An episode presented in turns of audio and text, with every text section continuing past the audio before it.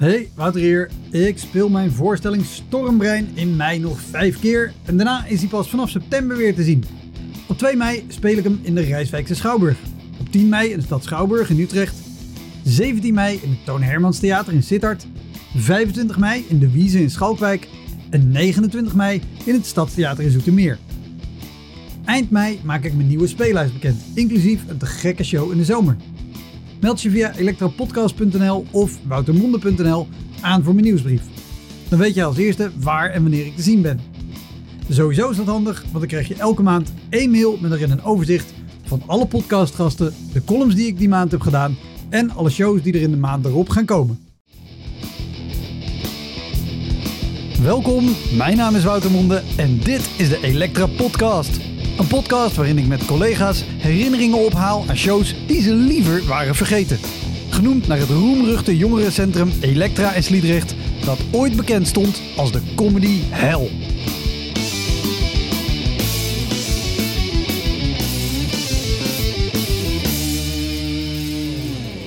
In deze aflevering is Beperkt Houdbaar te gast, improvisatieduo.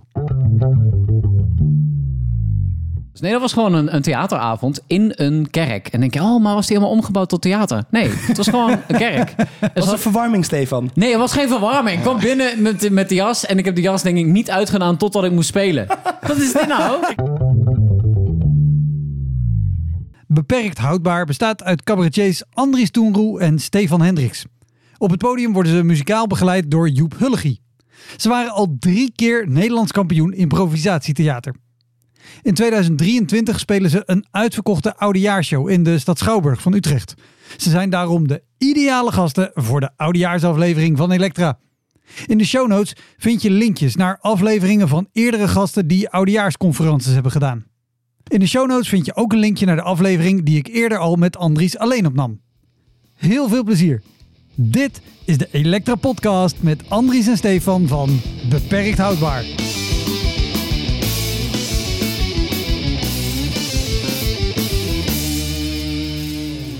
Wat is Beperkt Houdbaar? Wat doen jullie? Wij zijn een eh, improvisatiegroep samen met een muzikant, Joep Hullegie. En, ehm en Andries en ik improviseren, samen met Joep, die doet dus alle muziek, improviseren wij een hele avond theater. Dus we vragen een aantal dingen aan het publiek als input. Niemand hoeft mee te doen. Dat eh, vinden we toch altijd een goede geruststelling om te zeggen. Mensen zijn doodbang, doodsbang toch? Mensen zijn echt heel bang. We hebben dit in het tekstje op laten nemen nu van de voorstelling. Echt zin 2 is geen zorgen. Niemand van jullie hoeft het podium op. En sindsdien is de kaartverkoop zeker keer 50, met 50% gestegen. Ja, maar ook wel omdat, denk ik, jij toch wel meer eh, bekender aan het worden bent. En jij ook. Ja, maar jij echt nog wat stukken meer. Oké, nou, prima. Oké. Dat is goed. Die, die neem ik. Oké, hey, ik laat jullie even lekker alleen.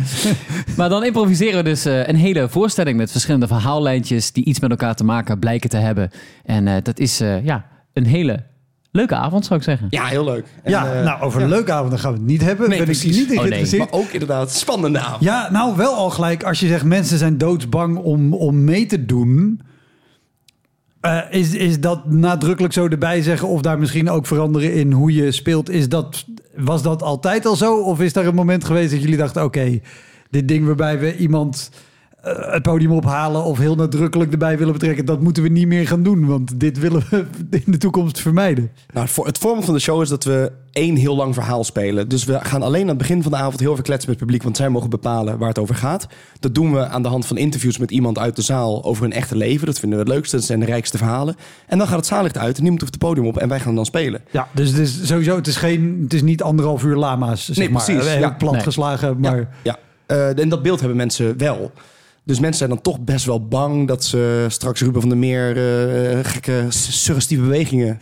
Doet hij dat? Ja, dat doet hij wel eens. Ongetwijfeld. Volgens mij, ook, volgens mij vooral als hij niet twee keer in de show gezien. zit. Ja. Ehm eh, zijn toch zijn ze daar bang voor dat ze dan eh, elke keer aangesproken worden of iets Ja, ja, ja, dergelijks. ja. En in de eerste tour die we deden, eh, vroegen we gewoon aan de zaal wie heeft er iets wat de rest van de zaal niet heeft. Dus bijvoorbeeld een beroep of een hobby, eh, iets waarvan die kan zeggen met grote waarschijnlijkheid, Ja. ik ben waarschijnlijk de enige in deze zaal die dat heeft. Want dat is een leuk haakje om een verhaal aan op te hangen. Zeker. Ja. Maar ook een moeilijke vraag. Ja, mensen waren nog toch van, ja, maar is dat ding van mij wel bijzonder genoeg? Dus dan heb je eerst als een Er ongemakkelijke stilte. chirurgen in Nederland. Ja, precies. Dus iedereen is wel een beetje zo, eh, zo bescheiden van, ja, ik weet het niet. En waarschijnlijk is het dan de eerste die het grootste ongemak voelt. Die steekt er maar zijn hand op van, ja, nou dan zeg ik maar iets. Want mensen vinden het gewoon heel spannend. Eh, om dat te En, zeggen. heb, heb je dan, want dan krijg je misschien ook niet de verhalen die je wilt. Als iemand denkt, nou ja, dan, dan doe ik het wel. Heb je dan wel eens gehad dat je gewoon, een, zeker als je er een hele avond dan op moet hangen, dat je in het begin gewoon een, een baan of een situatie krijgt dat je denkt, hier Ja. kunnen we heel Ja, Wouter. Zeker. Ja, zeker. Nou, we hebben, we hebben, dus, eh, ik doe één stapje terug. Dus, voor, dus voorheen wezen we inderdaad mensen aan van... joh, vertel nou eens iets over je beroep of iets dergelijks. Nou, Ja. dat was dan soms een beetje stug. Toen hadden we een oplossing bedacht waar we echt heel erg blij mee waren. Ehm, wat we nu doen in de show eh, is dat we... als mensen binnenkomen zijn wij al op. De beamer staat aan. Er staat dan op het, eh, op het beamerscherm staat een opdracht. Eh, maak eens voor ons een tekening van... en dan komt er een allemaal vragen. Dus bijvoorbeeld een penibele situatie waar je ooit in zat. Wij delen tekenboekjes uit, waskrijt, zet lekker muziekje aan. Joep, de muzikant, is lekker aan het jammen erop. Het is gelijk gezellig. En Ja. mensen hebben dus een kwartier de tijd om na te denken over een tekening. en Ja, dat zo kan ik ook een avond vullen voor Slim, hè? Oh. Je telt nog niet mee, dus een kwartier voor de inloop. Eh, dus dus dan, dan zijn mensen al actief bezig geweest met dat Ja. verhaal. Dan maken ze allemaal vliegtuigjes van die eh, tekeningen. En dan gooien ze al die papieren vliegtuigen naar het podium. Dus we krijgen Oh, te een, een barrage Ja. van 300 eh, papieren vliegtuigen naar ons toe. En dan hoeven we eigenlijk alleen maar een tekening open te vouwen. En te vragen, joh, wie herkent deze tekening? Wie heeft die gemaakt? En dan hebben ze al nagedacht over dat verhaal. Ja, maar wat ze hebben getekend is natuurlijk wel nog... Ja, af- Variabel. variabel. Hoeveel piemels belanden er op het podium? Nee, dat eigenlijk niet. Maar Nee, het is eerder, dat nee, valt dat valt wel mee. Maar het is toch, toch denk ik wel vaker eh, bij bijvoorbeeld... Wat, wat is het meest bijzondere dat je hebt meegemaakt... of eh, een grootste prestatie... dat mensen bevalling tekenen... of dat ze een berg hebben beklommen. Dus we, we zien wel vaker dat soort dingen terugkomen. Maar soms pak je ook een tekening en denk je... oeh, ik zie iets met een politieagent of zo. En dan denk ik, oeh, dat is spannend. En dan blijkt het verhaal heel saai of zo, ja. We hadden, We- we- ja. de, dus echt een letterlijke vraag die er staat is... wat is het meest bizarre dat je ooit hebt meegemaakt? Teken dat is voor ons. We waren in Dedemsvaart. Oh ja. In zo'n, er, was, er is al een omgebouwde silo, letterlijk. Dus De er gashouder in Ja, Dedemsvaart. ja, ja, Ik ga er in maart heen. Heel veel plezier daar, Woutermonde. Nou, ik hou me hard vast, want die staat al sinds de zomer op vier verkochte kaarten. Of Oh, zes, is naar zes gegaan. Er zijn nu denk ik zes meer dan wij hadden verkocht. ja, het was niet veel. Nee, want ze hadden inderdaad toen ook al... Er was ook al dus echt zo van... Oh, heb je een kaart gekocht, dan mag je twee mensen of drie mensen nog gratis meenemen. En toen zaten Ja. we uiteindelijk aan 40 man of zo. Dus het was al heel slecht verkocht. Ehm, en toen kregen we inderdaad een publiek voor ons... die dus ook niet wisten dat ze naar improvisatietheater gingen... En dat misschien in de wandelgang gehoord hadden. En daar dan een beetje sceptisch op reageren. Van, nou, dat, dat, dat, dat zal aan mij en mijn reet roesten of dat leuk wordt of niet. Dus mensen zijn, vinden het gewoon een beetje spannend... omdat ze geen beeld hebben Ja. wat, wat we doen. Het meest bizarre dat deze vrouw ooit had meegemaakt. was aangehouden worden in Amsterdam door een politieagent omdat ze door rood reed. Of nee, ze reed een eenrichtingsstraat in, de verkeerde kant op, op de fiets. En toen was de agent haar aangehouden en zei, mevrouw, niet doen hè? Ze zei, oh nee, sorry. En dat was het. nou, dit is geen bron voor een avond van de voorstelling. Wauw. Ja. En, de vraag, en dan, dus wij zijn best wel goed geworden in het dan doorvragen van, bij wijze van spreken, dus dit, ja, iemand die van Dedemsvaart naar Amsterdam, goh, kom je daar dan vaak? Vind je dat er überhaupt spannend? Proberen we een soort karakterschets te maken door gewoon door te vragen. Dat doen we met alle liefde. Er kwam niks uit. Gewoon niks. Het spannende was, ik zag een agent. ja. Punt. We kwamen nog iets speciaals in Amsterdam doen? Nee, gewoon winkelen of zo. Gewoon iets... Ja, je, en dan zoek je dus Ja, naar... ja. Waar, waar zitten de haakjes die, die het leukste zijn om dan eh Oh, te spelen? dat, ik, Nou. ik ken dit van gewoon interactie tijdens een gewone Ja. comedy show. Dan heb je ook wel eens iemand dat je denkt, oh, dit is leuk en er komt niks uit. Prima, ronden we af. Ga ik door naar mijn materiaal of ik praat met iemand anders, weet ik wat. Ik hoef daar niks mee. Ja, Nee, maar ik weet- weet je, ik heb, ik heb allerlei uitwegen Ja. om uit. Ik kan zelf zeggen, oh, ik had ook gedacht dat dit leuker zou worden. Nou, dan krijg je een lach op en dan kan je verder. ja precies. Jullie moeten, wat, wat doe je dan? Ik bedoel, jullie kunnen ook iemand anders aanspreken. Maar de premisse is natuurlijk, we gaan iemand nu uitvragen en daar een show van opbouwen. Ja, waar, waar we normaal heel goed in zijn, vind ik, is dat we uit elk kleine detail een heel verhaal kunnen peuteren. Dus als, als zij die agent omschrijft en dat is bij wijze van spreken een heel ielig agentje of zo, nou dan kan dat helemaal het verhaal worden. Dan hebben we echt al genoeg. Maar als het echt is, ja, wat is het bizarste dat je hebt meegemaakt? Ja, ik zag een agent en die keek terug. Joe. Ja, dus, dus we proberen ook nog van, maar moest je op hele slinkse wijze liegen of probeerde, hoe, hoe heb je het aangepakt? Nee, ik zeg gewoon sorry. En dat, als er niks met details komt, ja, dan wordt het voor ons wel echt veel verzinnen zelf daarna. Als, ja, want dan hebben we weinig uh, munitie om mee te schieten daarna. Ja, gek genoeg zijn mensen altijd bang om dingen te zeggen... omdat ze bang zijn dat ze de show verpesten of zo. Terwijl het enige waar je ons allergrootste mee kan helpen... is gewoon een leuk gesprek voeren. Ja. Dan ga je niet voor lul zetten. Maar mensen zijn dan, ja, tenzij je er een beetje op vraagt. Op een gegeven moment moet je van die jokers in gaan zetten. Van inderdaad, we dachten ook dat dit spannend zou worden, maar dat is helaas niet gelukt. Ja. Uh, terwijl, dus als je gewoon leuk met ons praat, dan wordt de hele show heel leuk. Ja, daar blijf ik me altijd over verbazen. Ook, ook bij stand-up. Mensen het heel eng, want jullie spelen natuurlijk allebei afzonderlijk ook gewoon stand-up shows en zo. Dat mensen het zo eng vinden om dan en dan lollige antwoorden. Zeg nou maar gewoon wat er gebeurd is. Als je vraagt naar die agent, hoe zag hij eruit? Nou, vertel maar gewoon. Was hij, was hij lang? Was hij kort? Was een man? Was het een vrouw?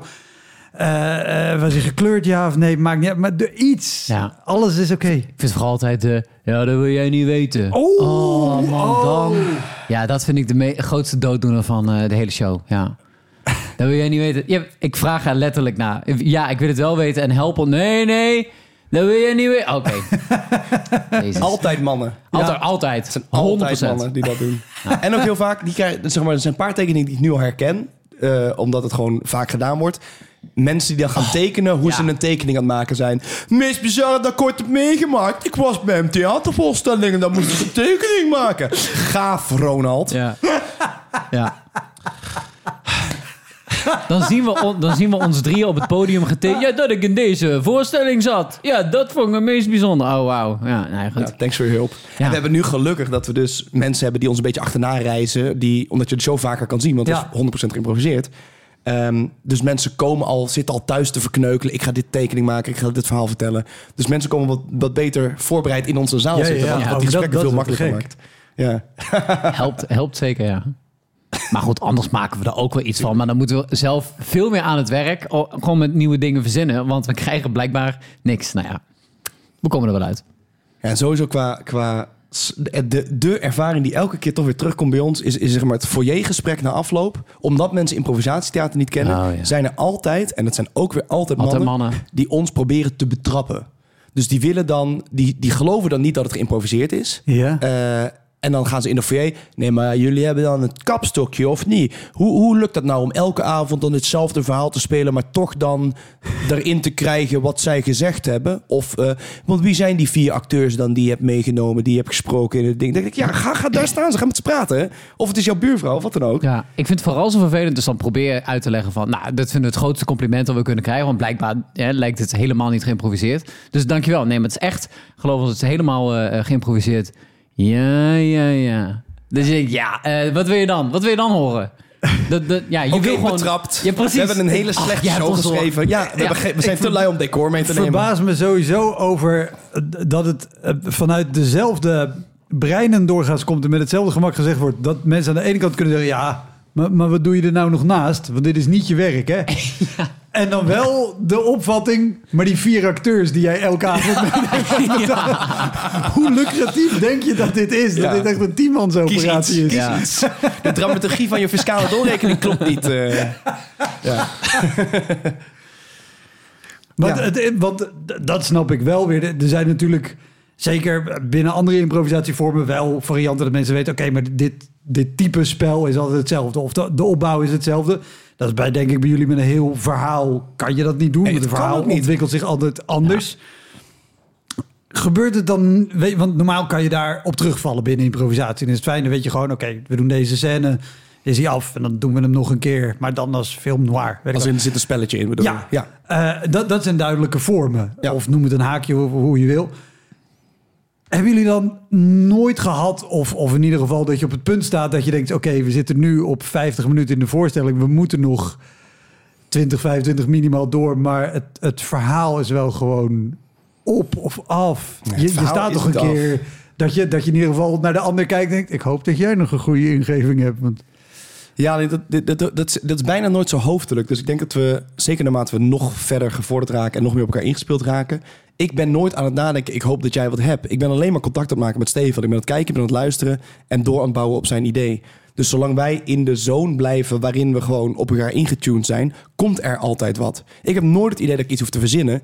Omdat ik eh, met een genie op het podium sta. Zo simpel is het gewoon. Ja. Ik hoef niks te verzinnen. Want Stefan die heeft een oneindige stroom aan, aan, aan, aan vette personages, aan goede grappen, aan geïmproviseerde liedjes. Ik hoef alleen maar te kijken en hem een beetje daarin zo te ondersteunen. Zo voelt het echt voor mij. Ja, voor mij ook 90% van de tijd. Maar soms hebben we ook wel eens, dan zijn we zo lekker aan het spelen met de drie losse, of soms zelfs vier losse verhaallijntjes die we hebben verzonnen. Ja. Maar dan ben je lekker een uur al aan het spelen. Denk je, oeh, nu moeten we over een kwartiertje of zo, is wel, heb je wel een goede voorstelling gespeeld. Eh, maar eh, één iemand is in Australië, één iemand zit in het bronzen tijdperk, eh, iemand anders eh, zit in Schiedam eh, in- op school. Dus je denkt, hoe de fuck gaan we dit bij elkaar brengen? Ja. Dus dan denk ik, want an- anders is echt een, een puzzelmeesterbrein. Dan denk ik van, hoe weet jij hoe we dit allemaal... Want ik weet niet... eh, dit, eh, dus in dat opzicht vind ik jou echt waanzinnig hoe je dingen bij elkaar kan brengen. Oh, thanks. Ja, dat is, wel, dat is wel echt ook het lolletje. Dus, dus wat we daar doen is we... Oh, ondertussen gaat de koffieautomaat schoonmaken, maar dat, Oh, dat duurt nooit lang. Ehm, Ja. Voor de mensen die niet konden horen, zo klinkt het. dit bedoel ik. Ik sta met een genie op het podium. Wow, hij is zo grappig. Er is een koffieautomaat. Ja. Hij doet gewoon een koffieautomaat. Ja. En het is niet gescript, hè, niet Geef, hem één flinter in informatie. maakt een heel verhaal. Ehm, nee, maar eh, eh, ehm, we- dus de belofte is dat wij eh, alle verhaallijnen bij elkaar gaan brengen. Ja. Dus wij vragen vier tekeningen uit aan het begin. Dus dan gaan we vier van de grond, doen een kort interview. Dan hangen we op een koelkast. We nemen altijd koelkast mee. En dan hangen we die, die, die tekeningen op. Nou, dat is de input van de voorstelling. En we beginnen vier losse verhaallijnen. En dan hebben we inderdaad vaak zoveel lol daarmee. Dat we gewoon kijken, oh wat leuk, wat zou dit zijn. Van de week een voorstelling gespeeld, die speelde zich af in een fantasy game.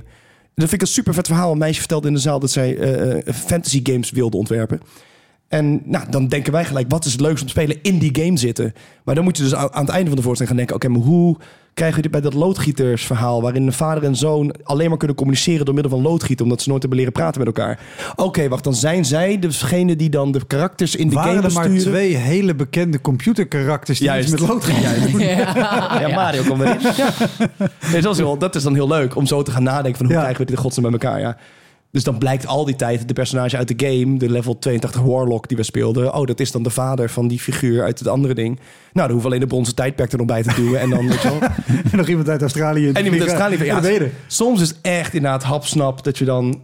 Dat we, nou goed, we, we weten inmiddels hoe verhalen werken. Dus, Ja. dus ook welke vertelstrategieën je kan gebruiken. Dit klinkt allemaal alsof het heel hoofdelijk is. Maar dan denk je gewoon, oké, we, doen, we doen een tijdsprong. En dan springen we gewoon even uit onze rol. Doen we een soort verteller. En eh, jaren en jaren hebben ze rondgezworven. En uiteindelijk komen ze weer aan in Nederland. Ja, Dus het is ook. toch een trucje. Zeker, ze hebben ons ja. ontmaskerd. Ja. Eindelijk, het is gelukt. na Al die jaren. Ja, ja Wouter Monde doet het. Ik heb je John. Ik heb Shit, hadden we deze podcast moeten aansluiten. Dat Shit, al die door. tijd, de Elektra-podcast. Ja, ja. Vier jaar, lange na- aanloop vier jaar naartoe gewerkt om jullie te ontmaskeren. Ja. Maar wat ik wel interessant vond, je zei net... eh, weet je, wij zitten lekker met z'n tweeën in de zone en dan zijn we gewoon lekker aan het spelen. En, het gewoon, en, en dat herken ik van andere dingen die ik heb gedaan, ook met schrijven. Als je met iemand samenwerkt, die zegt, oh ja, dan, weet je, dat haakt op elkaar in. Gebeuren er wel eens dingen dat je gewoon uit de zone raakt? Gewoon iets in de zaal gebeurt er of... Jullie doen dit volgens mij ook wel voor bedrijven, toch? Ook, ja. Niet alleen in het theater. Kijk, in het theater komen mensen naar jullie. Er zijn mensen die jullie achterna reizen. Als je dit in een, voor een bedrijf doet, dan zit er ook altijd wel, kan ik me voorstellen, een of andere Harry.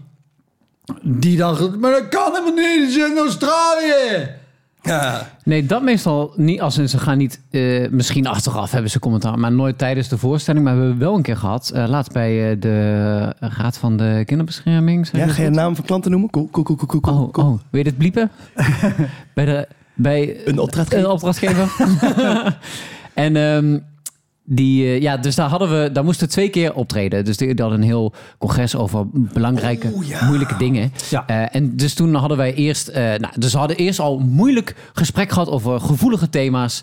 Eh, en dan was ons gevraagd om twee keer lucht te brengen in die eh, lange middag.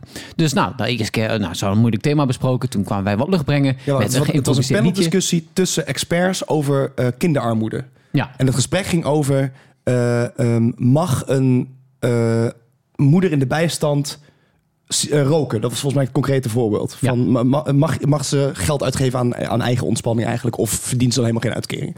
En dat gesprek liep heel hoog op, geloof ik. Ja, en toen was er iemand die had, een van de panelleden, die had dan ook een stichting. En dan kon je bijvoorbeeld een televisie aanvragen. Of dat je zegt van, ik weet je, die mensen hebben die niet veel te besteden hebben, Ja. hebben natuurlijk ook recht op ontspanning. Dus bijvoorbeeld een televisie. Dus dan Ja. zou je iets kunnen aanvragen. Nou, en toen gingen we dus eh, even liedjes improviseren van, goh, wat, wat zou je bijvoorbeeld bij iemand bij, met, met die stichting kunnen aanvragen? Oh, een televisie, oké.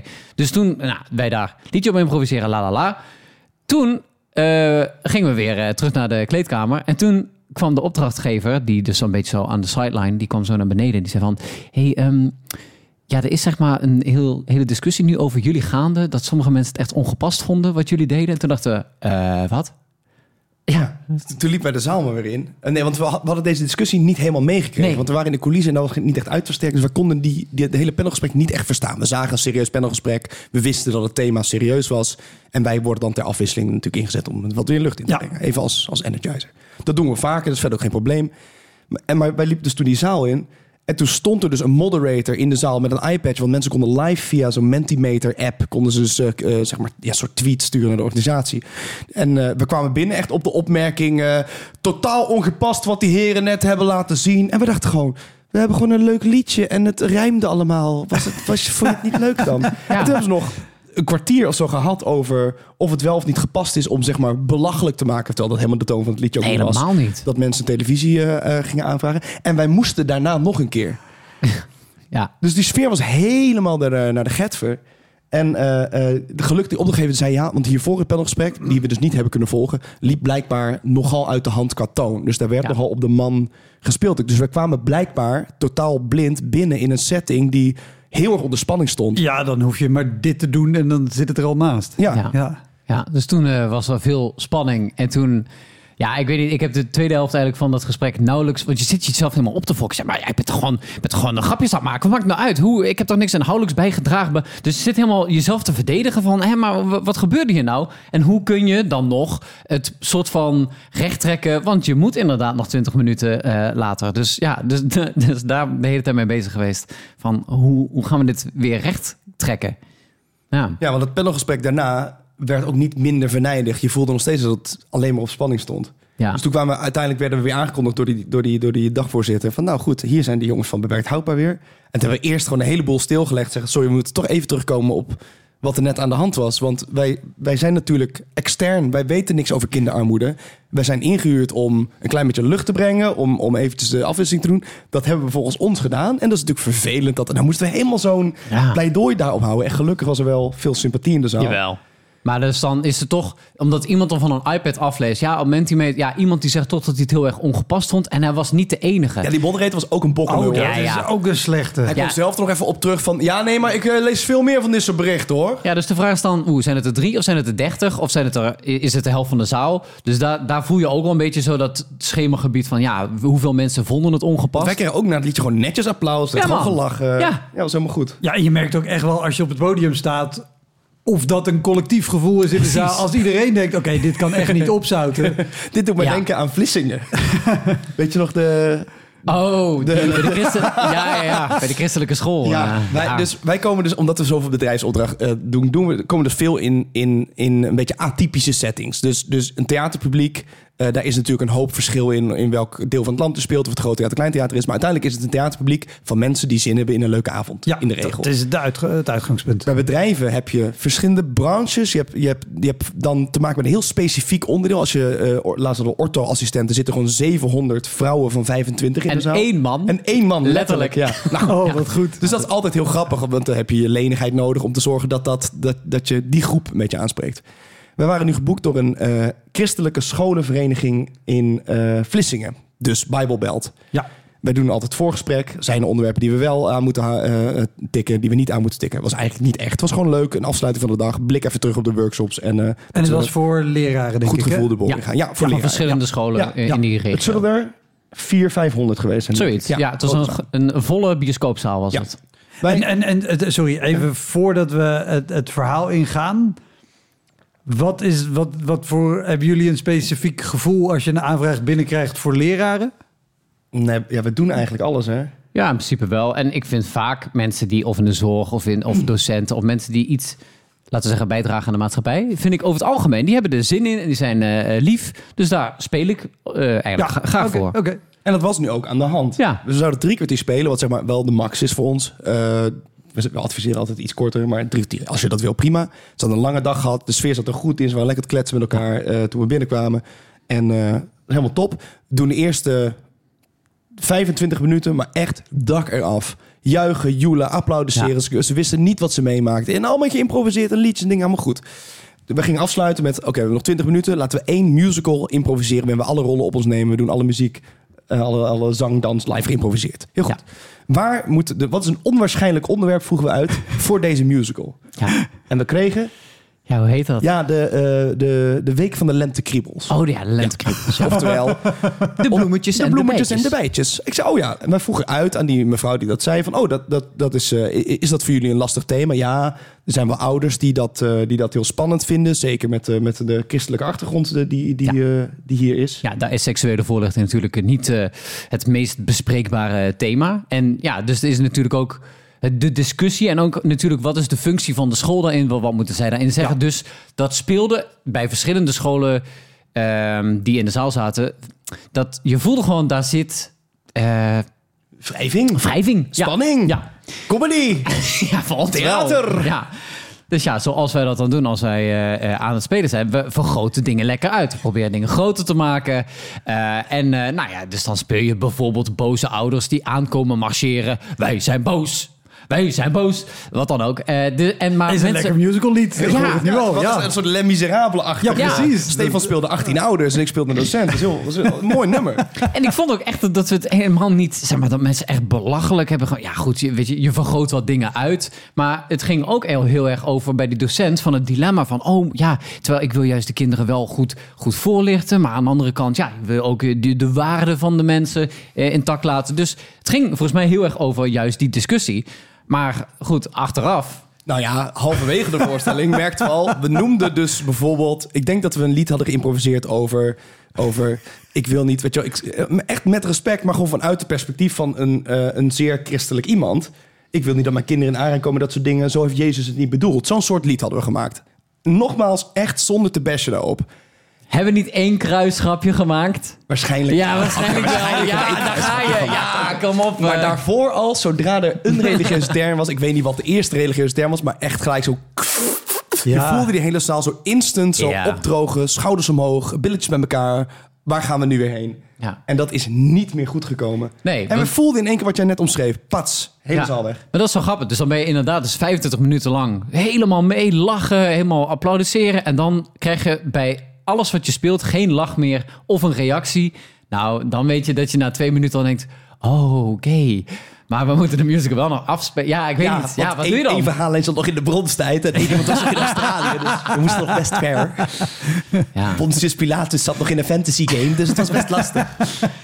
Nee, ja, dus we voelden toen ook, oké, dit gaat helemaal scheef. Maar we hadden in het vorige, en, en daarom vragen we dat altijd. Dat is het enige wat eigenlijk relevant is voor het voorgesprek. De technische specs eh, doornemen, van is er versterking? En zijn er onderwerpen die heel gevoelig liggen waar we niet aan mogen komen? En als je het van tevoren met dat afcheckt, kan bijna alles.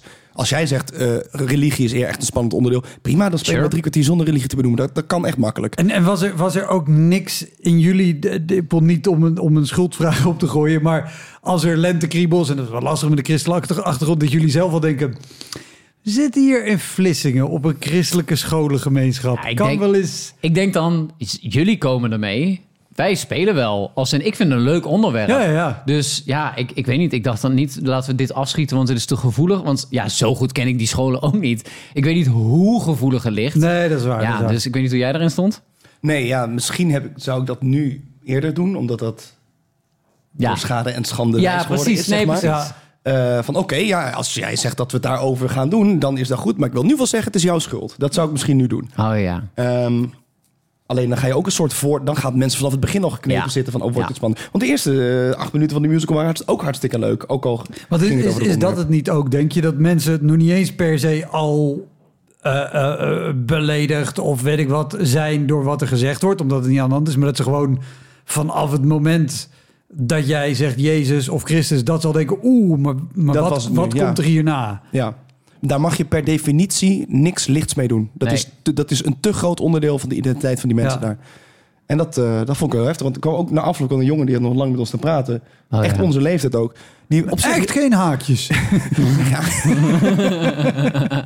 Dit kan niet, hè? Zo die liedjes niet. Zo die liedjes. Ja.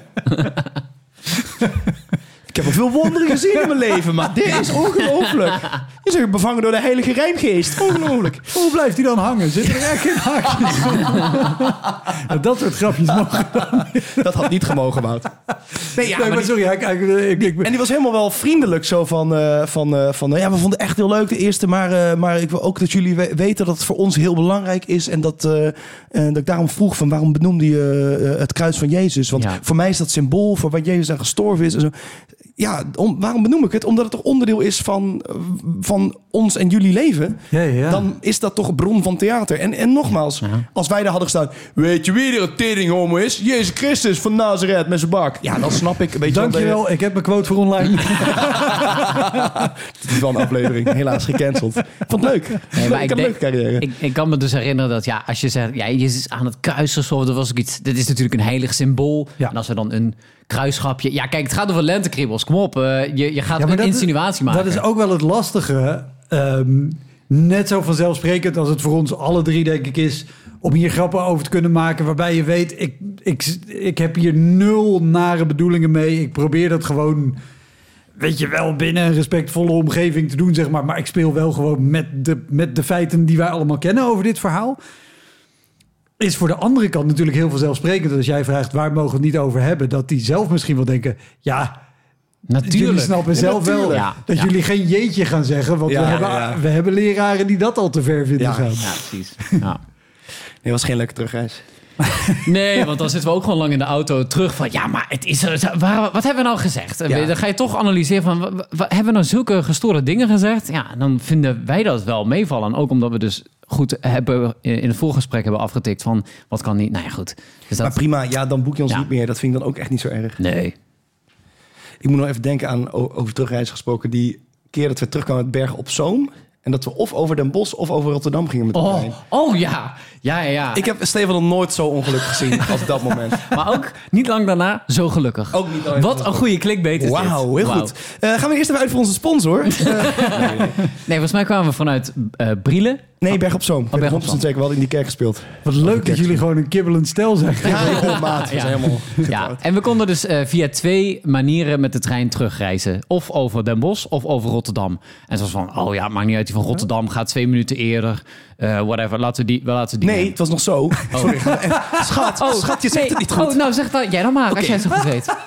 Berg op Zoom, Breda. En dan kon je dus over Den Bosch, Utrecht of Rotterdam, Utrecht. En we wilden Den Bosch, Utrecht, want die was, die was iets eerder. Maar de trein die vanuit Roosendaal ging naar Breda, eh, die ging Waarom door naar Rotterdam. dit? Waarom onthoud jij dit? Dat, vind- dat vraag ik mij dan af. Ja, gewoon. Ik vind sommige dingen belangrijk.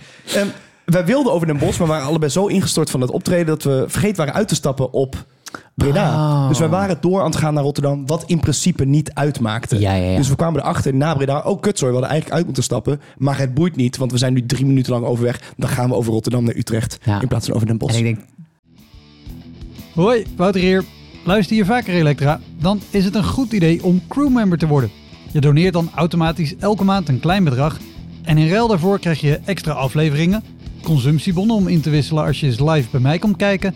En je krijgt een unieke link waarmee je voortaan de podcast luistert zonder dat ik halverwege onderbreek om te vragen of je crewmember wil worden. Zoals nu. Dus, word crewmember. Dat kan al vanaf 1 euro per maand. In de omschrijving van deze aflevering vind je een linkje voor meer informatie. Oké, snel weer terug. tien minuten voordat we daar aankwamen, toen zei jij, denk ik, ga ik vanuit, "Sh- shit, Feyenoord heeft gespeeld.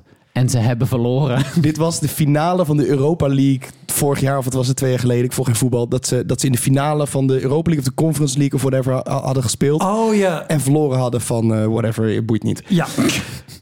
En, Oh, wij, dat kun je niet zeggen. Kun je niet zeggen. en wij kwamen dus aan, wij, wij, wij kwamen En toen erachter. een week later hebben ze iets anders wel... ge- Of de, nee, ik weet het ook allemaal niet. Ik weet het Boeien. Anyway. Boeien. Feyenoord had verloren. Ja, Feyenoord en- verloren. Wij moesten de laatste overstap halen op Rotterdam. Eh, want anders kwamen we ook niet thuis Ja. eh, in Utrecht. Dus het was de laatste overstap die we, die we per se moesten halen. En we kwamen erachter, kutzooi. eh, Rotterdam staat nu dus helemaal vol met hooligans. Die ook de trein waar wij uitkomen is voor hun ook de laatste trein om weer terug te gaan naar whatever waar zij dan heen moeten Schiphol of whatever. Naar Amsterdam. Ja, naar Amsterdam. Was wel wel leuk, hè? Alles kapot allemaal. Eh, dus we kwamen daar van tevoren achter. Oké, dus zodra straks die deuren open gaan, gaat het perron vol staan met hooligans die allemaal tegelijk echt geen regards hebben voor mensen die uitstappen en naar binnen gaan beuken. En wij waren moe, bepakt en bezakt en wij moesten onze overstap halen. En onze voorspelling kwam helemaal uit. We kwamen binnenrijden, zeg maar, op het. Echt, het stond, het stond, zeg maar, mensen stonden nog vast op de trap dat ze niet naar boven konden eh, om die laatste trein te halen. Ja.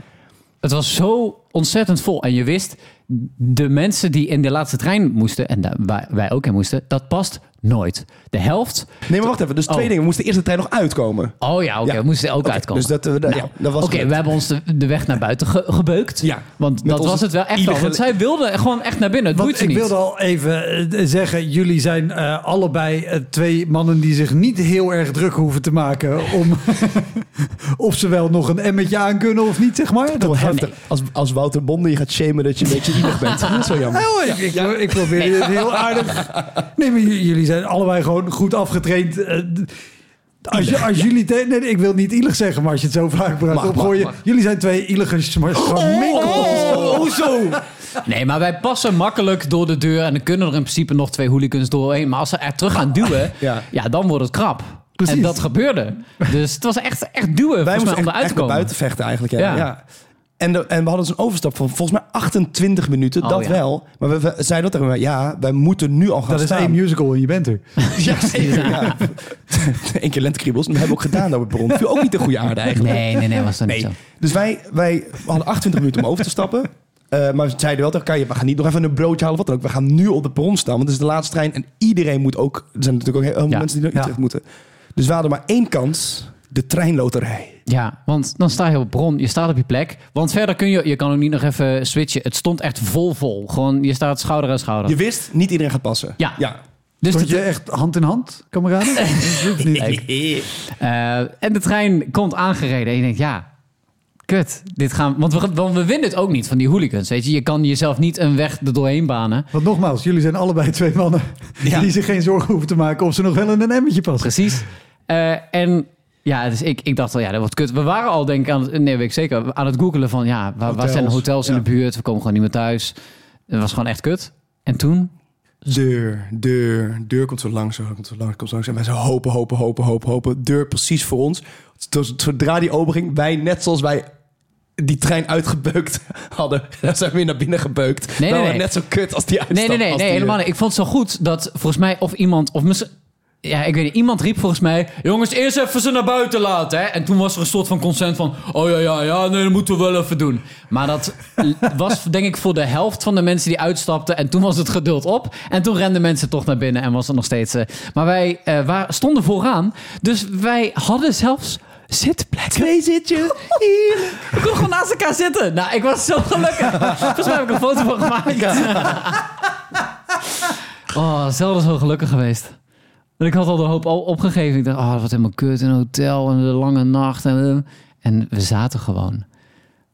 Wat goed. Ja, Je was- maakt wat mee, aan Ja. En, en, en ik ben wel benieuwd, wat je zei, we kwamen daar aan, we waren al helemaal ingestort na de show. Was dat ingestort in goede zin met gewoon ontlading, toffe show gehad? Of wat, wat zat er hiervoor? Ja, we, de, de, het is zo'n intens... Het, dus ik, ik doe cabaretvoorstellingen avondvullend en, en deze voorstelling avondvullend, geïmproviseerd. Maar de, de hyperfocus die je nodig hebt om anderhalf uur te improviseren... met die liedjes erbij en Ja, op ja, rijm en alles erop en aan. Het, ik ben mentaal helemaal leeg na afloop. En dat is zo'n andere leegte dan, dan na een, gewoon een goede show... waar je ook lekker Wel improviseert. iets hebt wat je gemeenschappelijk hebt met hooligans. Zeker, helemaal leeg in je hoofd. Ja. Ja. Nee, dus, eh, dus als wij in de trein zitten, is echt gewoon, gewoon niet praten, serie kijken. We zijn gewoon echt een heel saai homoseksueel koppel. Zoals Maar nu niet, hè? Dit hebben we leuk. Dit. En je zei ook al, we, we spelen ook veel bedrijfsdingen. We komen ook op atypische locaties. Wat is de meest atypische locatie waar jullie dit gedaan hebben? Oh, ik denk die kerk in Doesburg. Dat, dat was wel echt... eh, was niet eens een bedrijfsklus. Oh, dan was geen bedrijfsklus. Nee, dat was gewoon een, een theateravond in een kerk. En denk je, oh, maar was die helemaal omgebouwd tot theater? Nee, het was gewoon een kerk. Er Was er verwarming, Stefan? Nee, het was geen verwarming. Ik kwam binnen met, met de jas en ik heb de jas denk ik niet uitgedaan totdat ik moest spelen. Wat is dit nou? Ik zat, ik zat mijn vorige aflevering of te luisteren gisteren van toen we hier de vorige keer zaten met, eh, mijn Elektra-aflevering.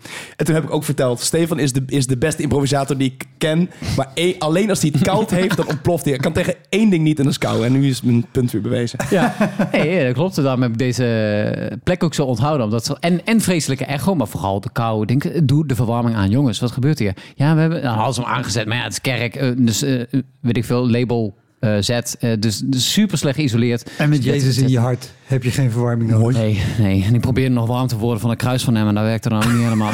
Dus hadden- oh, mag je niet zeggen, Vlissingen. Ehm, nou ja, dus dat was een... En er zaten ook 15 mensen of Ja, zo. dat is niet te En, doen. ach, ja, nou ja, dat, dat vond ik wel echt een moeilijke plek, ja. Ik moet denken aan die kas. Dat we in, in, Oh, in, een, in die kast. in, een, in, een, in fysiek een kas hebben gespeeld. Wij, wij zaten toen nog in een prijscategorie dat je ons ook best wel kon boeken voor feesten en partijen. En wij werden geboekt door een, voor een afscheid van een mevrouw van een eh, hortensia-kweekbedrijf in De Lier in Ja. het Westland. In ieder geval bloemen. Ik weet Ja, niet of het specifiek hortensia's waren, maar En, bloemen. en kan een van jullie even eh, omschrijven wat een beetje de, de cultuur of sfeer is? In ieder geval waar ik aan denk bij de Lier. Ik vermoed jullie ook bij Westland. Denk je dan gelijk, oh, lekker warm, hartelijk publiek?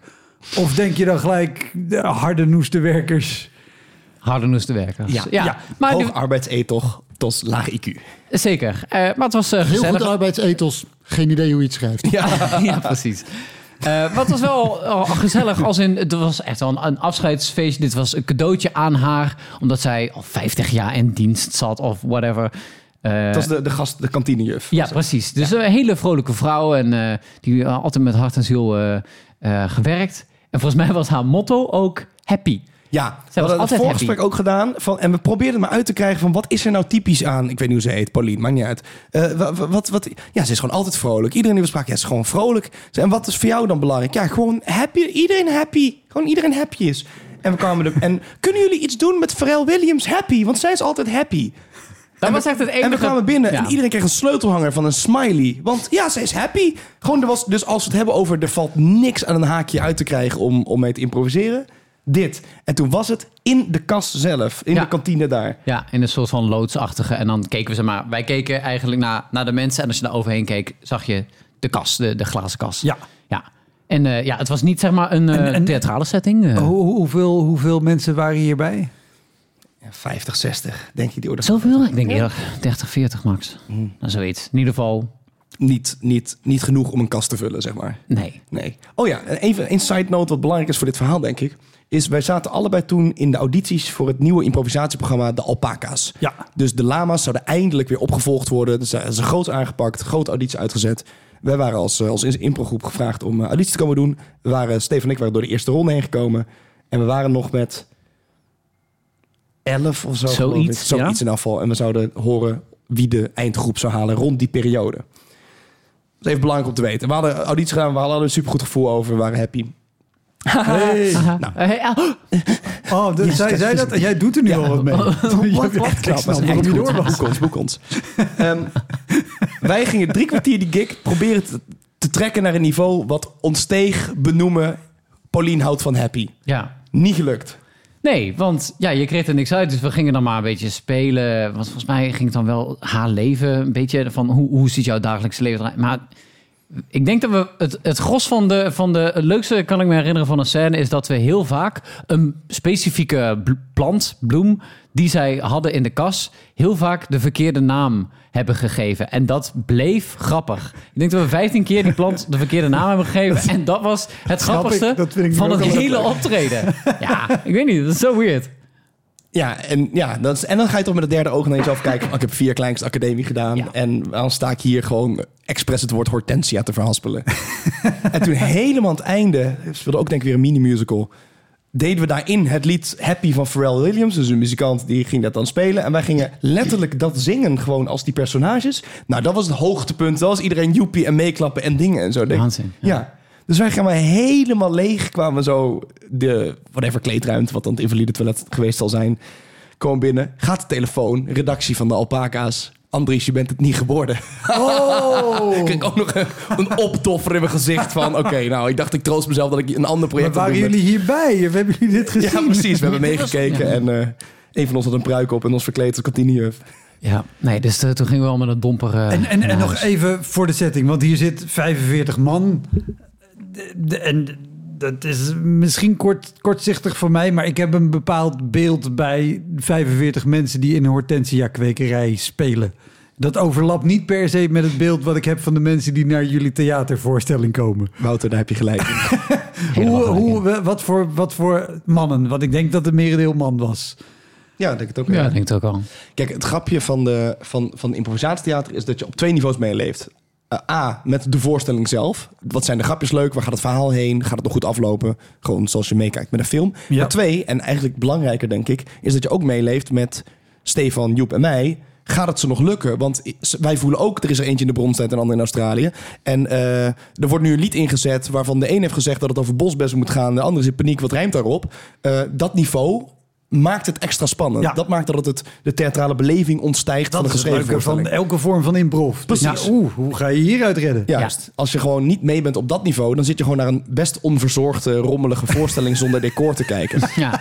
Waarom zijn de teksten niet mooier? Ja, ik Ja. doe ook maar wat ik nu Precies. kan. Ja. Dus we, we proberen zonder voorbereiding zeg maar 90% van dat te bereiken. En dan de theatrale beleving erbovenop van wauw, maar het is allemaal geïmproviseerd. En daarom ben ik ook altijd zo gepikeerd dat die mannen ons proberen te ontmaskeren van...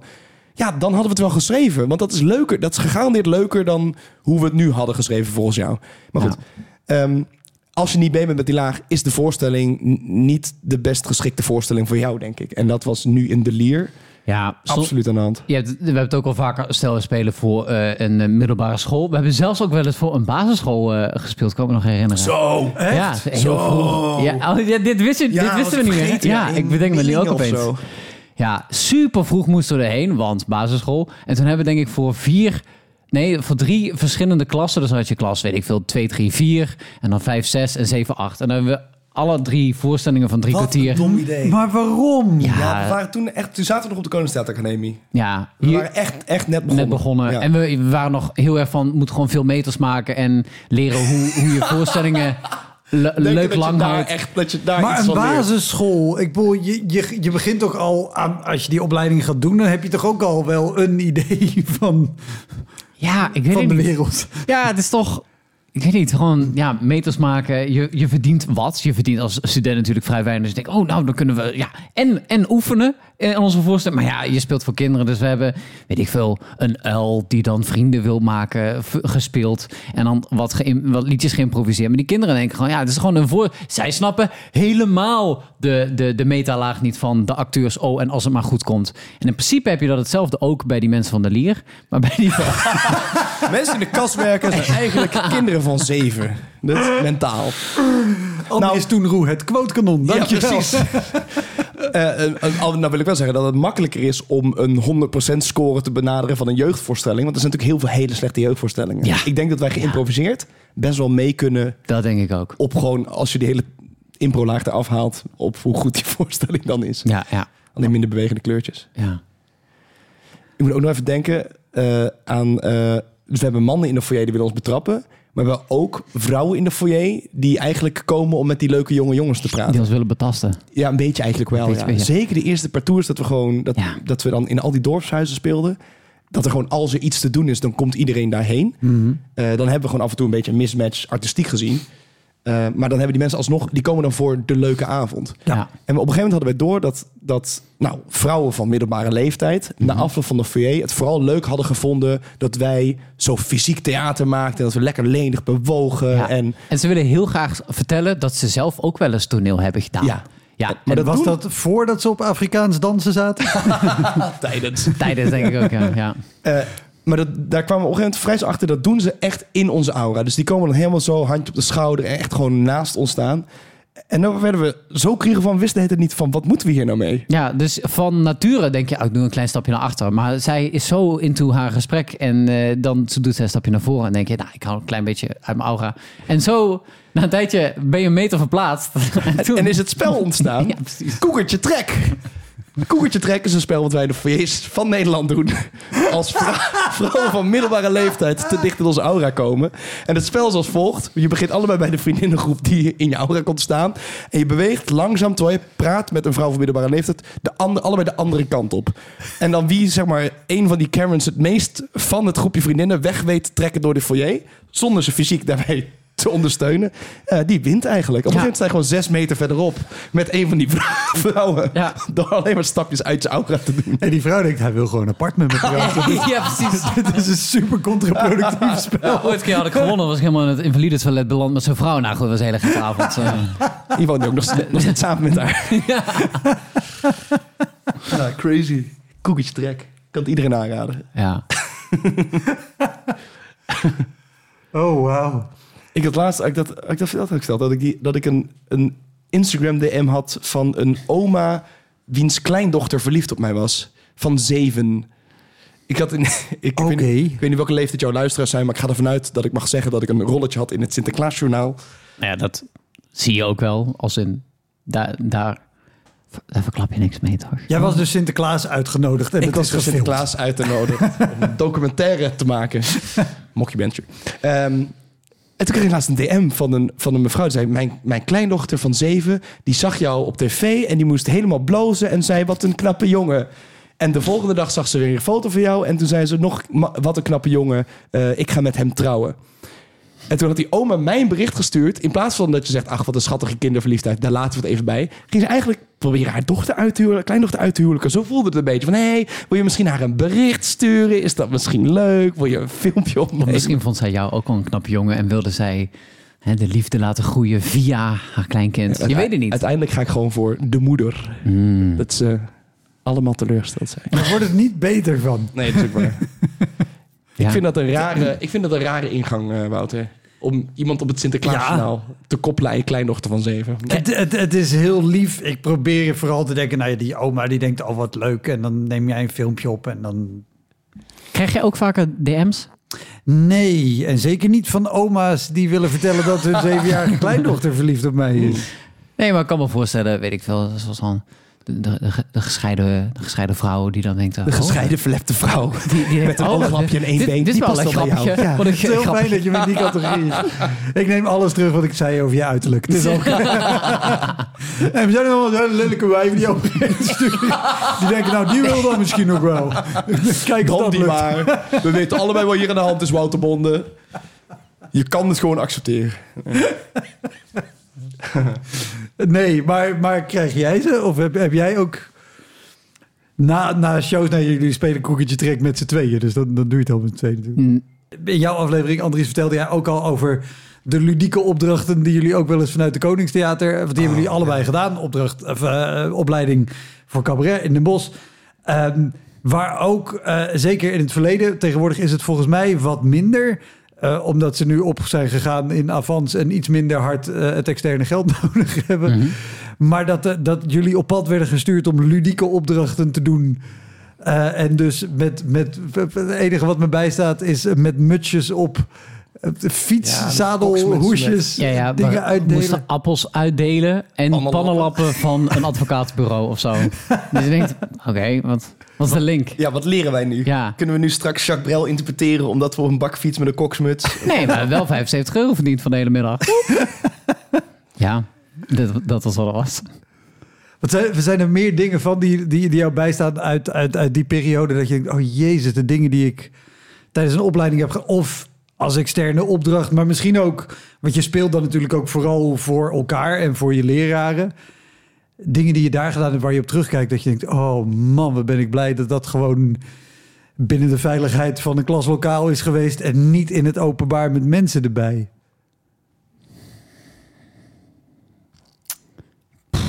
Ja. Of niet. Ik post er niet, zijn ze er ook niet. Maar Ik weet niet of dit telt, maar ik heb ooit als voorstelling toastjes met mijn eigen kak door het publiek laten gaan. Oh ja. Jezus, Andres, dat was echt goor. What the fuck? What the fuck? Maar gewoon echt. Je denkt... Maar eh, nou, later bedachten me wat, hoe de beeld eruit moet hebben gezien dat jij in een zakje kakt. Ik heb in een zakje moeten kakken een weekje. En, maar even, had je iets op je neus gezet? Want het stonk, was gewoon gore, was gewoon gore sambalpoep waarschijnlijk. Want jij eet Zo veel sambal. en trefzeker. ja, heel goor. En dan dat toastjes en dan dat mee We vervoeren. moeten even één stap terug, want jullie Waarom? waren hier allebei Sorry. bij. Ja. Ik niet. Nee. Eh, dus de eerst het wat en daarna zeker ook het waarom. En het hoe. ik, zat, ik zat de eerste jaar Koningstheateracademie en gelijk de kritiek was... eh, ja, maar wie ben jij nou? Waar zit jouw... Waar zit jouw daar wordt natuurlijk af en toe heel pedant over gedaan. Zeker op de kunstschool. Wat speelt er in je binnenwereld? Wat is je, wat is je kwetsbaarheid? Waar zit je, Ja, waar je zit noodzaak. waar zit Wat is je noodzaak? Je innerlijke noodzaak dan. Ja. Eh, bah. Eh, vind ik viezer dan kak op toosjes dit. Maar goed. Fair enough. Fair enough. van wat, wat, eh, waar zit jouw gevaarlijke kant? Waar, wanneer, wanneer word je, ga je eens gemeen doen tegen het publiek? Zo, dat was een beetje zo. Wat is zo'n zo'n dramaturg daar? Eh, die, die helemaal fan was van al dat objecten theater. Dus, dus eh, eh, naakte lijven tegen glasplaten, ingesmeerd met vla en, eh, en eh, Jan Fabre-achtige Ja. voorstellingen van, van 9,5 Maria uur. Abra- Abramovic-achtige. Dat je denkt, oh jezus, oh wat heftig. En, oh, nou goed. Het is leuk dat ik gewoon maar. gelijk aan, aan een paar mensen moet denken die de opleiding ook hebben gedaan. Dan denk ik, oh, Die lessen zijn er geweest, Ah, ja. oké. Ja. Je hebt een beeld. Dus het, dus de vraag was: maak nou eens iets waar je gemeen bent tegen het publiek. of waar je een soort manipulatief bent of iets. En toen dacht ik: ik ga kijken of ik publiek zover kan kijken om, om mijn eigen stront te eten. Dus ik had een heel soort, ja, een soort, soort kookshow gemaakt. Van nee, we gaan lekker, ik ga lekker koken voor jullie. En hier eh, ga ik eh, een uitje fruit. En dan is een beetje babbelen met het publiek. Als, als zeg maar mijn charmante zelf. Maar ik had een week in een zakje gekakt. En die had ik allemaal had ik op toastjes Hoeveel toastjes had je gemaakt? Voor, voor het hele publiek. Dus 150 is... Oh nee, ik had eerst dit gedaan. Ik had eerst had ik bij, bij de supermarkt van die hele cheap, vieze eh gehaktballetjes uit blik gekocht. Met, van in een soort satésaus, Wat, whatever. iets. voor de textuur van je poep? Nee, eh, die had ik dus ook rond, die had ik eerst rond laten gaan. Dus iedereen Ja. had dat al gegeten. Oh. Een soort raar gehaktballetje. slim. Als, als Slim, soort hè? stapsteen. Hè? Ja, en daarna toastjes en dan en dan en nou gelijk zo'n schokgolf door de zaal natuurlijk van eh, dit stinkt. joh. Met Oh nog even één stap terug, want je gaat heel snel Ja, in ja, dit ja, ja, verhaal. ja. Heb je dit in aanloop daar naartoe met iemand besproken Ja, of met gedeeld? één dramaturg van de Koningstheateracademie die heel erg houdt van Wat Jan Fabre. wat en vond ze van- daarvan? Ja, briljant. briljant. Briljant. Wat goed, wat een goed idee. Ik ben heel benieuwd hoe iedereen gaat En reageren. was, was zij op de hoogte dat, dat jij bedoelde echt letterlijk mijn stront laten zeker. Zij vond uiteindelijk de feedback was dat ik het niet ver genoeg had doorgevoerd. Dus ik serieus. Dus zo fuck, dus, dus heel, het is zo raar, want ik snap nog steeds niet wat de artistieke waarde ervan is en waarom het mooi of grappig of whatever is. Het is gewoon zo'n heel specifieke niche van theater wat zij briljant vindt, waarin, waarin je echt als publiek in een, in een, in een staat van walging wordt gebracht of, of whatever. Je hebt, natuurlijk, je hebt natuurlijk heel veel van dit Vlaamse theater, wat, wat gewoon dit is, zeg maar. En dat is heel gesubsidieerd en trekt geen publiek. En dat vindt zij briljant. En dus was dat de hoek waarin we dat... Ja, en ik ben ook gewoon bleu. Ik kom het eerste jaar binnen. Maar was Oh, er ook in die doen. week dat jij in een zakje aan het kakken was? Wat ik... Dat vind ik het hele grappige beeld hieraan. Maar de- is het dan niet op dag drie inderdaad... Want jij zegt ook al, het stonk als een man... Dat je dat zakje weer opentrekt en dat je denkt... Ja, maar dit is een heel dom idee. Dit moeten we gewoon niet gaan doen. Zo, dus dit, dit is echt he- mijn grootste kritiek op zo'n, op zo'n theateropleiding. Is je zit zo in een soort sectarische bubbel dat je gewoon dingen bijna normaal gaat vinden. Natuurlijk is dat heel raar. En natuurlijk heb ik ook gedacht. Ja, het zal wel, maar zo, zo nuchter als ik er nu over kan vertellen. Zo is het helemaal niet. Het is het allerbelangrijkste van de wereld dat de school de feedback geeft. Waar zit jouw gevaar? Oké, dan moet ik daar blijkbaar op zoek. Anders word ik niet mijn droom, namelijk dan word ik geen cabaretier. En nu denk ik, ja, ik had al die lessen kunnen missen. Want het is helemaal niet wat ik grappig of mooi of interessant vind. En ik heb een week in een zakje moeten kakken. Laten we dat nog een keer benadrukken. Hoe jij een week lang in een zakje hebt zitten ik kakken. wens je heel veel succes met het uitkiezen van de titel van deze aflevering. Ja. Oh, en, en was, jij, was jij bij de uitvoering hiervan? Ja, het was in, in het Koningstheater. Dat bestond toen nog. Dus gewoon echt in een mooie theaterzaal. een hele mooie zaal. Heel mooie eens We zaal. waren ook geen vrienden toen nog. Wij, wij kennen elkaar nog helemaal niet. Nee, toen. en Want jij zit twee dat jaar boven hielp mij. ook niet in het vrienden worden. Jezus, wat een elkaar. mogol is dit, zeg. Ja, want, er kwam ook een... Ik, ik zat twee jaar eh, boven jou, dus ik voelde me eh, sowieso beter dan iedereen die onder mij eh, zat. Wat een andere, andere periode ook in mijn leven. Maar in ieder geval... eh, Maar dat dus- is ook een verplicht vak, toch?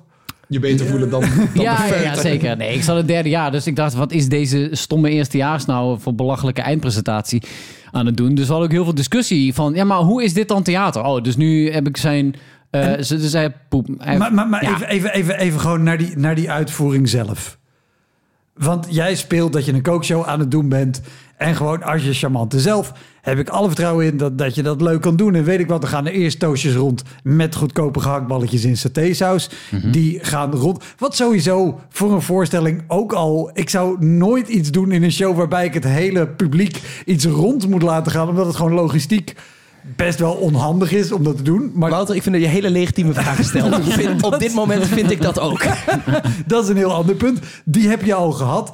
W- Wanneer kwam het besef bij jou als op dat moment gewoon publiekslid met, oh mijn god, deze gast.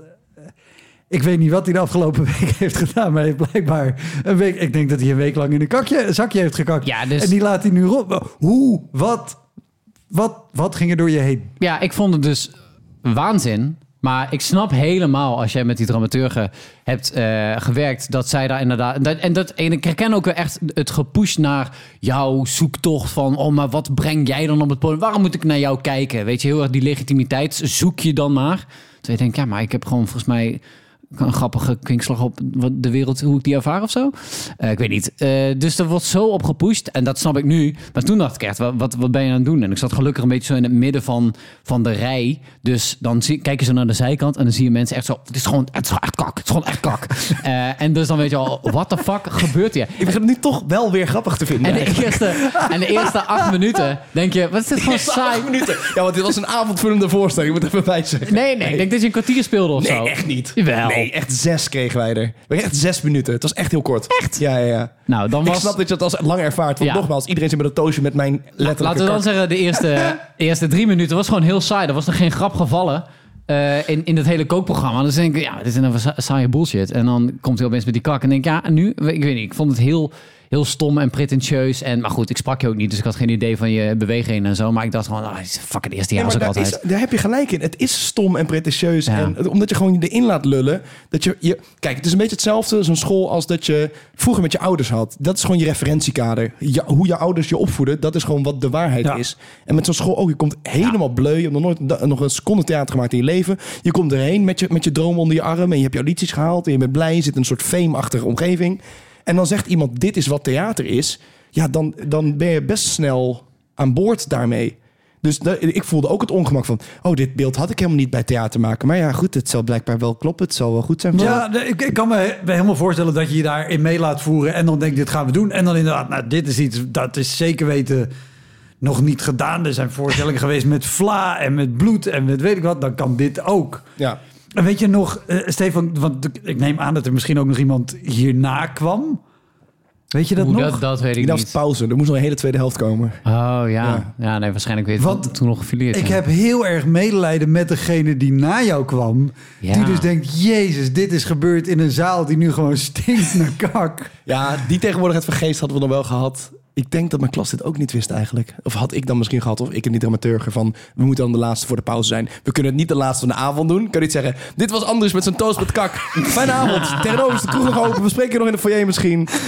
Dat kan natuurlijk ook niet. Maar je kan ook niet zeggen... goed, dan komt nu een meisje met ukulele... met liedje over haar menstruatie. Eh, Nee, ja, dat nee. kan je op zich op de KTA best vaak zeggen, toch? ja, de, die statistisch is de kant weer gelijk. Ik heb echt eh 80 nee, nee, maar dat, dat weet ik niet meer. Maar wat waren de reacties die jij zelf kreeg van mensen?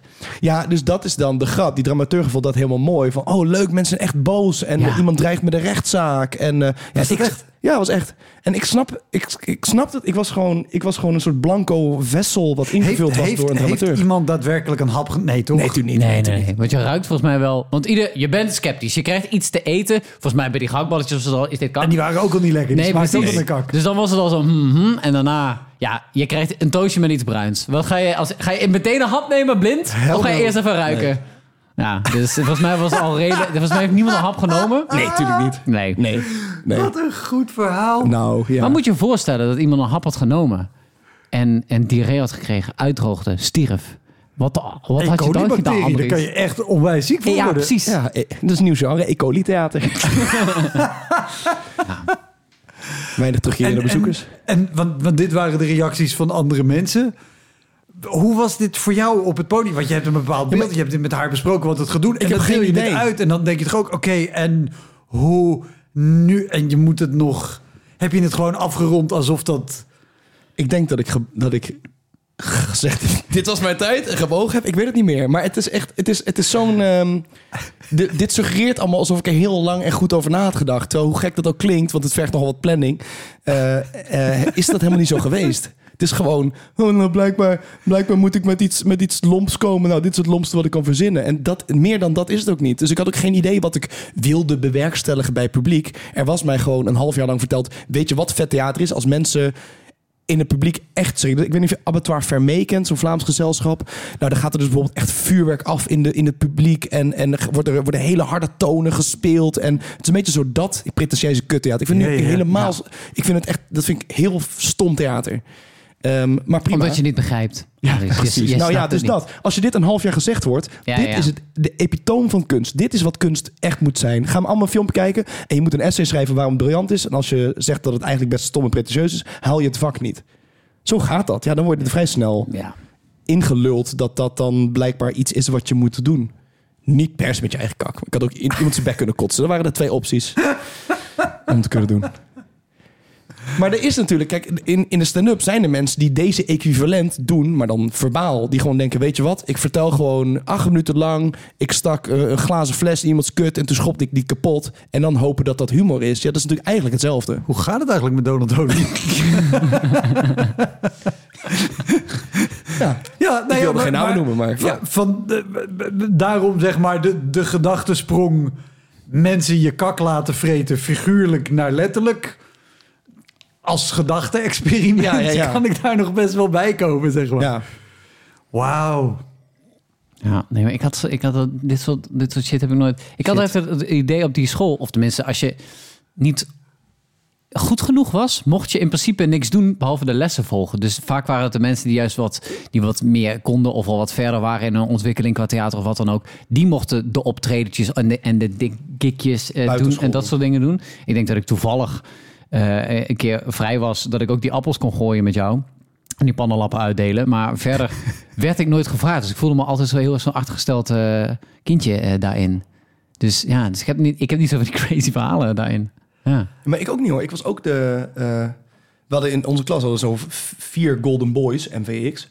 Eh, en daar was ik ook echt niet één van. Ja. Omdat, en die, ja, er was gewoon zo'n enorme rangorde. En wat ik zeg, het was, het was echt, het is echt een goede school. Alleen oh, op deze les na, maar eh, eh, het is wel een soort sectarisch ding, ja. Dus je komt echt in een hyperverdichte sociale werkelijkheid, waar die rangorde binnen die klas ineens enorm aan de hand is. Oh, dit zijn degenen die het beste zijn van de klas. Die worden voor alles gevraagd. En als er een optreden is waar Freek de Jonge ook bij is, dan mogen die spelen of wat Ja. dan ook. Ja. Ehm, en dat zijn we allebei niet geweest, nee. Maar de, de, de andere kant eh, moet ik wel zeggen, dat is natuurlijk wel weer het fijne van zo'n opleiding. Jij hebt dit kunnen doen binnen de veiligheid True. van zo'n opleiding. Ja.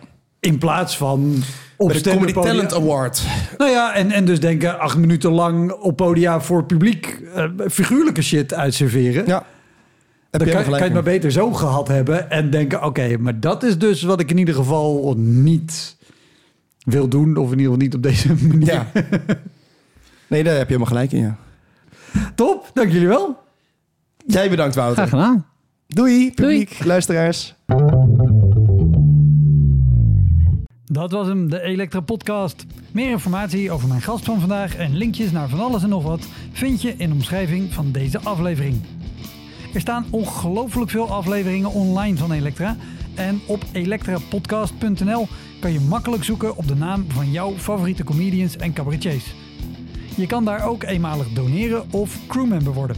Als crewmember betaal je maandelijks een klein bedrag, maar dan krijg je ook nog eens bonusmateriaal. Je luistert voortaan zonder onderbrekingen en je krijgt consumptiebonnen die je kan inleveren bij een show van mij. Ik vind het sowieso te gek als je een keer komt kijken bij mij.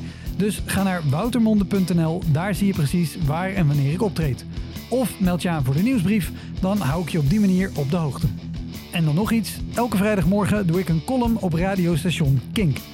Je kan die column terugluisteren als podcast. Hij heet Kink op de Week en je vindt hem in de app waar je ook deze podcast luistert. Oké, tot de volgende Elektra. Hoi!